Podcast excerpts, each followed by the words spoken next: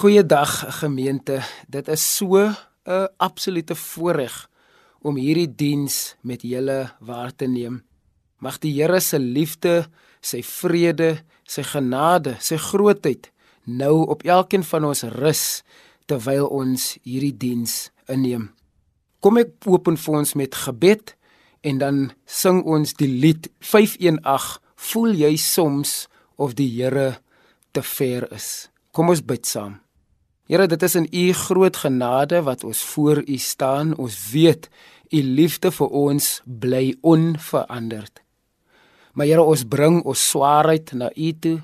Ons bring die afstand wat daar tussen ons en u is, bring ons na u toe en sê Here, kom ontmoet ons in hierdie oomblik. Maak nie saak wat ons omstandighede is nie.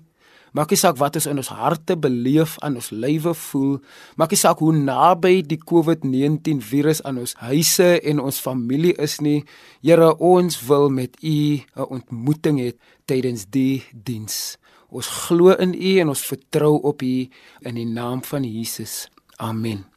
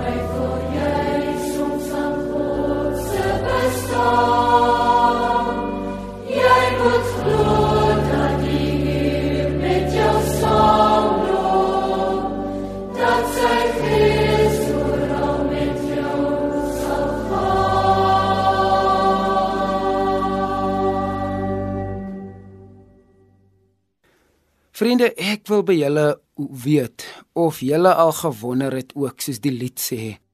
Somstyds voel die Here ver. Somstyds voel dit asof God en sy mense en alles van wie hy sê is in sy woord asof dit ver van ons af voel. En soms is daar 'n gebeurtenis, 'n 'n oortuiging waarby ons gekom het of daar is iets wat ons gedoen het wat maak dat daar afstand tussen ons en die Here is in vanoggend se teks wat ek vir ons wil neersit uit 2 Samuel 12 is die gesprek wat die profeet Nathan met Dawid gehad het as koning. Toe Dawid oorspel gepleeg het, toe Dawid in sonde geval het, was daar 'n man van God wat naby aan Dawid beweeg het wat vir hom met eerlikheid kon sê die Here het nie beweeg nie, die Here het nie geskuif nie. Die Here is nie ver van jou af nie. Dis jy wat ver van hom af is. En Nathan kon vir Dawid met eerlikheid sê hoe om terug te kom na die Here toe. Kom ek lees vir ons 2 Samuel 12 vanaf vers 1 tot so vers 8 toe. Daarom stuur die Here vir die profeet Nathan na Dawid toe. Hy het by Dawid gekom en die volgende vertel. In 'n bepaalde dorpie was daar twee mans. Die een was ryk en die ander arm. Die ryk man het troppe vee en beeste besit. Die arme man het niks besit nie behalwe 'n klein ooilammetjie wat hy gekoop het. Hy het haar versorg en saam met sy kinders grootgemaak. Sy het van die oorskiet kos geëet, uit sy beker gedrink en op sy skoot gelê. Sy was vir hom soos 'n dogter. Op 'n dag kom daar 'n reisiger by die huis van die ryk man aan. Hy wou nie 'n skaap uit sy eie kudde vang en as kos voorberei nie. Toe neem hy die arme man se ooilam, slag dit en berei dit voor vir die gas. Dawid was woedend. So seker as wat die Here leef sê hy vir Nathan. Die man wat dit gedoen het, verdien die dood. Hy moet met vier lammers vergoed vir die ooilam wat hy gevat het en ook omdat hy geen medelee gehad het nie. Toe antwoord Nathan vir Dawid: Jy is daardie man. Die Here, die God van Israel sê ek het jou tot koning van Israel gesalf en jou uit die mag van Saul gered. Ek het sy huis vir jou gegee as ook sy vroue en die koninkryk van Israel en Juda. En as dit nie genoeg was nie, sou ek jou nog baie meer gegee het.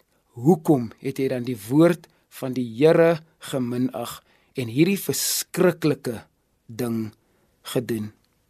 Dit is die woord van die Here. Ek het baie gedink in my lewe dat ek die lewe op my eie manier die beste kan doen. En in die uitdagende tye wat ons is met COVID-19, met die ekonomie, met eensaamheid wat 'n epidemie in ons wêreld raak. Ek het gehoor by iemand nou die dag dat in Japan het hulle vir die eerste keer het hulle 'n minister van loneliness aangestel wat deur die regering aangestel is om die epidemie van eensaamheid in Japan aan te spreek. En ons dink baie keer ons kan die lewe die beste manier op ons eie doen. Dat ons nie mense nodig het nie, want want as ek niemand in my binnekamer van my lewe toelaat nie, kan niemand my seermaak nie. Dis veilig om op my eie in my huis te wees om agter my masker myself weg te steek en net om oor niemand om te gee nie. Dis amper soos om ek ek weet nie of jy al poker gespeel het die die speletjie. En partykeer speel mense dit sommer as 'n vir die pret. In poker is die hele ding van die speletjie is om nooit jou hand te wys nie. Jou jou opponent, jou medespelers mag nooit weet watter kaarte jy in jou hand het nie of wat in jou hand aangaan nie. Jy mag jou hart op jou mou draai of sweet op jou gesig wys nie. Dit is waar ons die term poker face vanaf kry. Jy kom by die werk en jy smile en jy lag saam en jy gesels saam, maar diep binne jou is daar iets wat gebroken lê. Daar's 'n stuk seer, daar's 'n verhouding wat verby is. Jy het iemand verloor aan die dood en jy lyk of alles oukei okay is, maar in jou diepste wese is dit nie oukei okay nie. Jy werk deur 'n verhouding verlies. Jy werk deur 'n egskeiding. Jy werk deur 'n depressiewe alleenheid en jy het niemand om mee te praat nie want jy vertrou niemand nie. En jy huil mos nooit nie. En en en jy wil eintlik vir mense sê kan julle nie my seer raak sien nie? Maar jy kan nie. Dit is hoe ons in ons samelewing omgaan. Of jy weet jy's vasgevang in 'n soort sonde wat jy net nie kan afskud nie. Ek wil eers voorbeelde van dit gee nie. Jy weet dis iets wat jou heeltyd pootjie wat jou weghou van 'n dieper belewenis van God af, wat jou tyd en jou aandag steel, wat jou laat lieg voor ander mense, wat jou heeldag skuldig laat voel, wat jou laat voel soos 'n hond wat heeltyd na sy braaksel toe terugkeer ongeag hoeveel keer jy beloof het om nie weer dieselfde fout te maak nie. En weer eens, vertel jy niemand daarvan nie. Jy laat niemand toe in jou binneste kamer nie. Jy laat niemand toe in jou struggle nie. Jy laat niemand toe om die poker face af te haal en te laat sien wie hy regtig is nie. Nou in die teks, die gesprek tussen Dawid en Nathan, kan jy sien Nathan roep vir Dawid op sy sonde. As ek weer die poker term mag gebruik, verskoon die Engels, hulle noem dit calling someone's bluff. Dit dit is om te sê dat jy weet die persoon gee 'n sterker hand voor as wat hulle regtig het. En ek dink dit is baie keer so in ons samelewing. Ons lewe met 'n sterker uitdrukking op ons gesig, maar met 'n gebroke hart, met 'n met met 'n sonde wat swaar op ons druk. En vanoggend is dit ook die uitnodiging en die uitdaging vir elkeen van julle. Die uitnodiging en die uitdaging in die tyd van alleenheid, in die tyd van eensaamheid, in die tyd waar daar so baie mense sit is wat vasgevang is want hulle wil nie veroordeel word deur die kerk of deur ander mense of deur familie of vriende of vreemdelinge nie. In die tyd is die uitnodiging van my af vanoggend, die uitdaging van my af is om iemand te kry wat jou kan roep op jou sonde, wat jou kan roep op jou alleenheid en vir jou regheid kan sê jy is besig om sterker te probeer voorkom as wat jy regtig is. Iemand wat jou uitdaag om op te hou wegkruip agter sosiale media, om op te hou wegkruip agter Instagram accounts, om op te hou jou Zoom video, jou video van jou Zoom um, rekening toe te maak om oop kaarte te speel sodat God se plan vir jou lewe met krag en met gebed in werking kan tree. Dat jy nog steeds al is jy alleen, al is jy moedeloos, al het jy gesondig dat jy nog steeds iets kan bydra om God se getuienis met waarheid uit te leef. Die taak van Nathan profeet was dat jy met waarheid en met liefde en medelee dat iemand vir jou kan sê jy moet jou sonde los wat jy so vertroetel. Jy moet ophou om die leuns te glo oor jouself. Jy moet ophou om die sterk gesig te hou en 'n gebroke hart te dra en om te begin om God te soek met alles in jou. My vraag is maak nie saak wat se ouderdom jy is vanoggend nie, het jy so 'n persoon in jou lewe? Het jy iemand wat vir jou regtig kan sê ek is lief vir jou, maar ek weet die keuses wat jy maak is ongesond vir jou? Dit is wat Nathan vir Dawid kom sê het wanneer hy vir hom sê jy is daardie man. Jy is daardie man wat onregmatig en onregverdig opgetree het. En ons weet Psalm 51 is Dawid se hele skrywe opgerig aan die aan die gesprek wat Nathan met hom gehad het. In Psalm 51 lees ons hy sê vir vir die Here wees my genadig o God volgens u troue liefde. Wis tog my sonde uit op grond van u barmhartigheid. Was my skoon van my skuld en reinig my van my sonde want ek ken my oortredings en my sonde is gedurig voor my en dis net teen u teen u alleen het ek gesondig ek het gedoen wat vir u verkeerd is daarom is u uitspraak reg en u oordeel is regverdig. Vriende, ons lewe in 'n tyd waar baie jong mense net in hierdie week wat verby was, in die paar, paar weke wat verby was, was daar so baie jong mense wat of probeer selfmoord pleeg het of wat wel selfmoord gepleeg het hier in Pretoria, daar in die Kaap. Dit was op die nuus. Dis oral so. Ons jong mense selfs op so jong ouderdom gaan gebuk deur die swaar gewig van soms alleenheid, van soms depressie, van soms gevoelens en emosies en hulle het niemand, hulle het nie 'n liefdevolle Nathan figuur in hulle lewe wat 'n pad met hulle kan stap nie dit raak 'n groot probleem. Ek het al een keer vir baie jong mense gevra om hulle hande op te steek om te sê wie van hulle het 'n mentor, het 'n Nathan figuur in hulle lewe en die hele groep het hulle hande opgesteek dat hulle nie iemand het wat hulle kan roep op hulle sonde en nader aan die Here kan help nie. En dit is vir ons hartseer, dit is vir my hartseer as 'n geestelike leier in die lewens van die volgende generasie dat jong mense met meer in hulle harte rondloop as wat hulle kan dra op hierdie ouderdom. En dit is vir my hartseer dat jy ook waar ook al jy vandaan luister, waar ook jy vandaan sit en luister na hierdie erediens dat die Here met jou praat dat dit is hartseer dat jy in jou eensaamheid moet sit en hy wil hê dat jy connected moet word aan 'n gemeenskap. Daar in jou dorpie, in jou kerk, in jou tuis, in jou aftree oor die Here wil hê jy moet deel wees van sy gemeenskap. Dit is wat Nathan vir Dawid kom sê, dis omdat jy alleen op die dak geklim het, daar was niemand by jou om vir jou aanspreeklik te hou en te kan sê dit wat jy gaan nou doen, gaan groot implikasies hê vir jou koninkryk en vir jou lewe en vir jou roeping en vir jou toekoms nie. Jy sien Dawid het op daardie stadium nie iemand gehad wat soos met die pokerterm sy blaf kon kol nie. Hy het in die geheim met sy wellus gesukkel. Hy het iemand anders se vrou begeer, sy mag as koning gebruik, die vrou swanger gemaak en haar man so te sê laat doodmaak. Hy het niemand vertel nie. Hy het gedink hy sou kon wegkom met dit. Maar God die lewende God wie vir Dawid lief was, wie jou liefhet. Hy stuur vir Nathan na Dawid toe om juis nie om hom te ontbloot as koning nie, om hom in die verleentheid te stel nie, maar om hom terug te roep na die liefdevolle God toe aan wie Dawid so getrou was. En God kan sien hoe swaar ek en jy aan ons laste dra.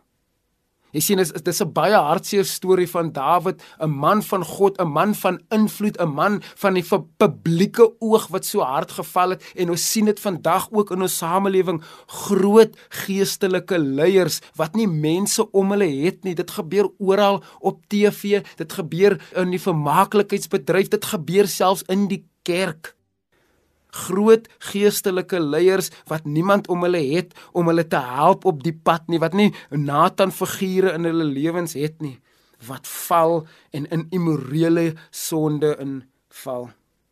Ek weet dit ook al te goed dat van my grootste en my seerste tye van sonde my grootste en my seerste tye van leuns glo en waar ek dink die wêreld haat my en waar ek gedink het ek hoort nie meer hier op die aarde nie, was juis in die kere wat ek myself afgesny het van mense af, afgesny het van God af, afgesny het van vriende af, waar ek mentors en vriende uitgesluit het.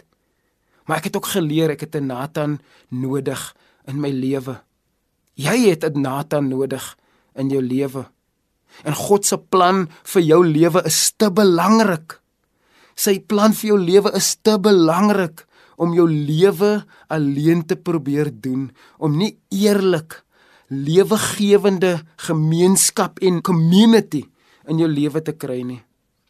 Die uitnodiging is dat jy gaan soek in jou kerk, in jou skool, waar ook al jy beweeg, dat jy iemand kan kry wat daai rol vir jou kan speel.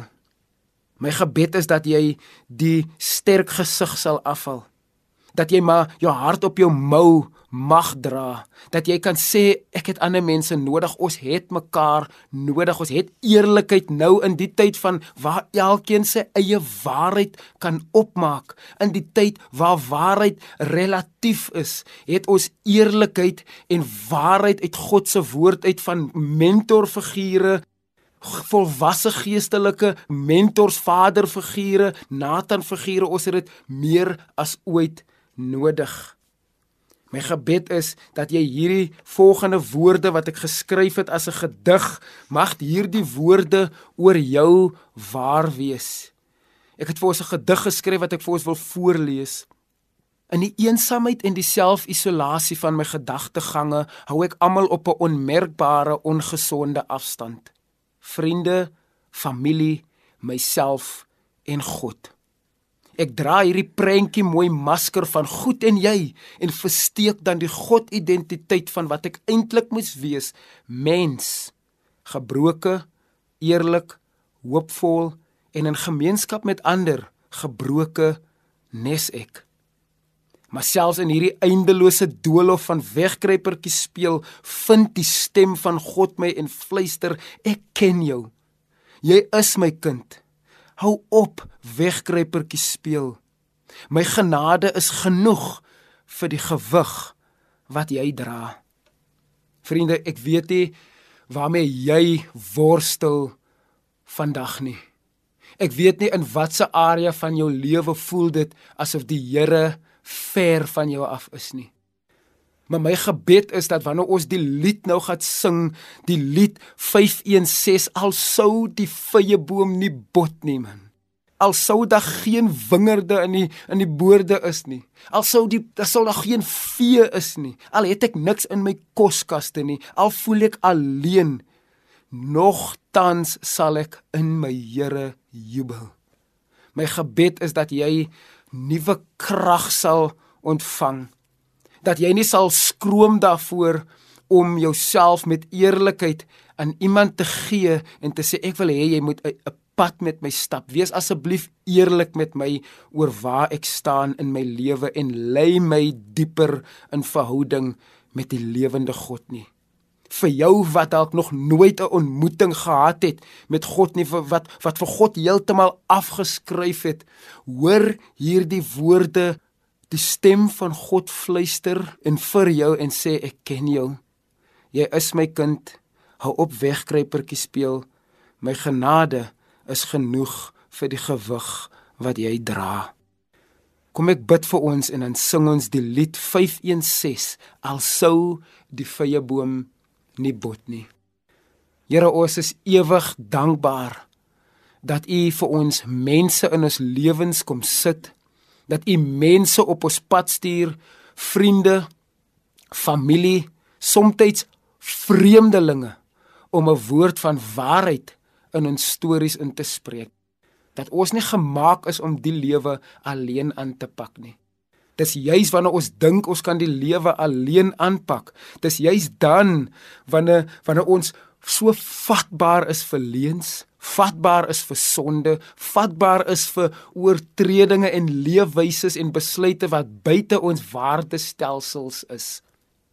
Ons kyk na die lewe van Dawid en hoe hy in sy alleenheid sy mag misbruik het as koning en hoe hy diep diep seer gekry het in sy verhouding met ander mense in sy verhouding met u maar u genade u genade was steeds vir hom genoeg mag u genade ook vir ons genoeg wees dat ons ook sal opstaan en sê weet jy ek gaan iemand kry wat my aanspreeklik kan hou oor my leefstyl, oor my keuses, oor my finansies, oor my verhoudings.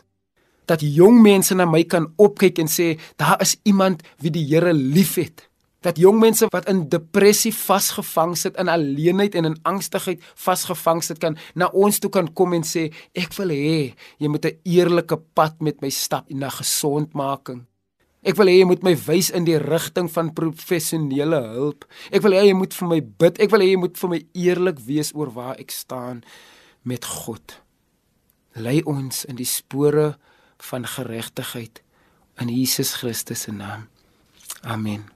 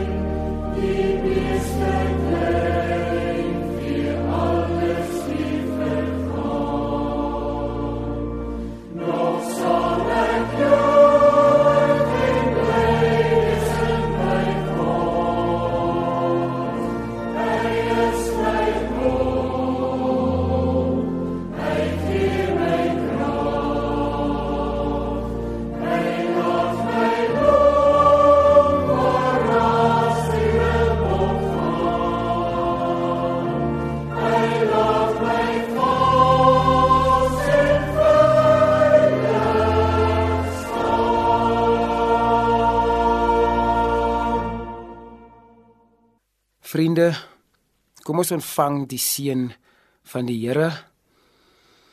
En nou die genade van die Here Jesus Christus, die liefde van God die Vader en die gemeenskap, die fellowship, die nabyheid van die Heilige Gees is met jou, jou familie, jou vriende, jou geloofsgemeenskap, met almal met wie jy in aanraking kom.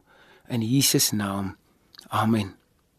En ek stuur vir ons uit nou huis toe waar ook al jy sal beweeg met hierdie mooi lied van Psalm 130 se woorde wat sê uit donker dieptes roep ek en mag God jou gebed verhoor.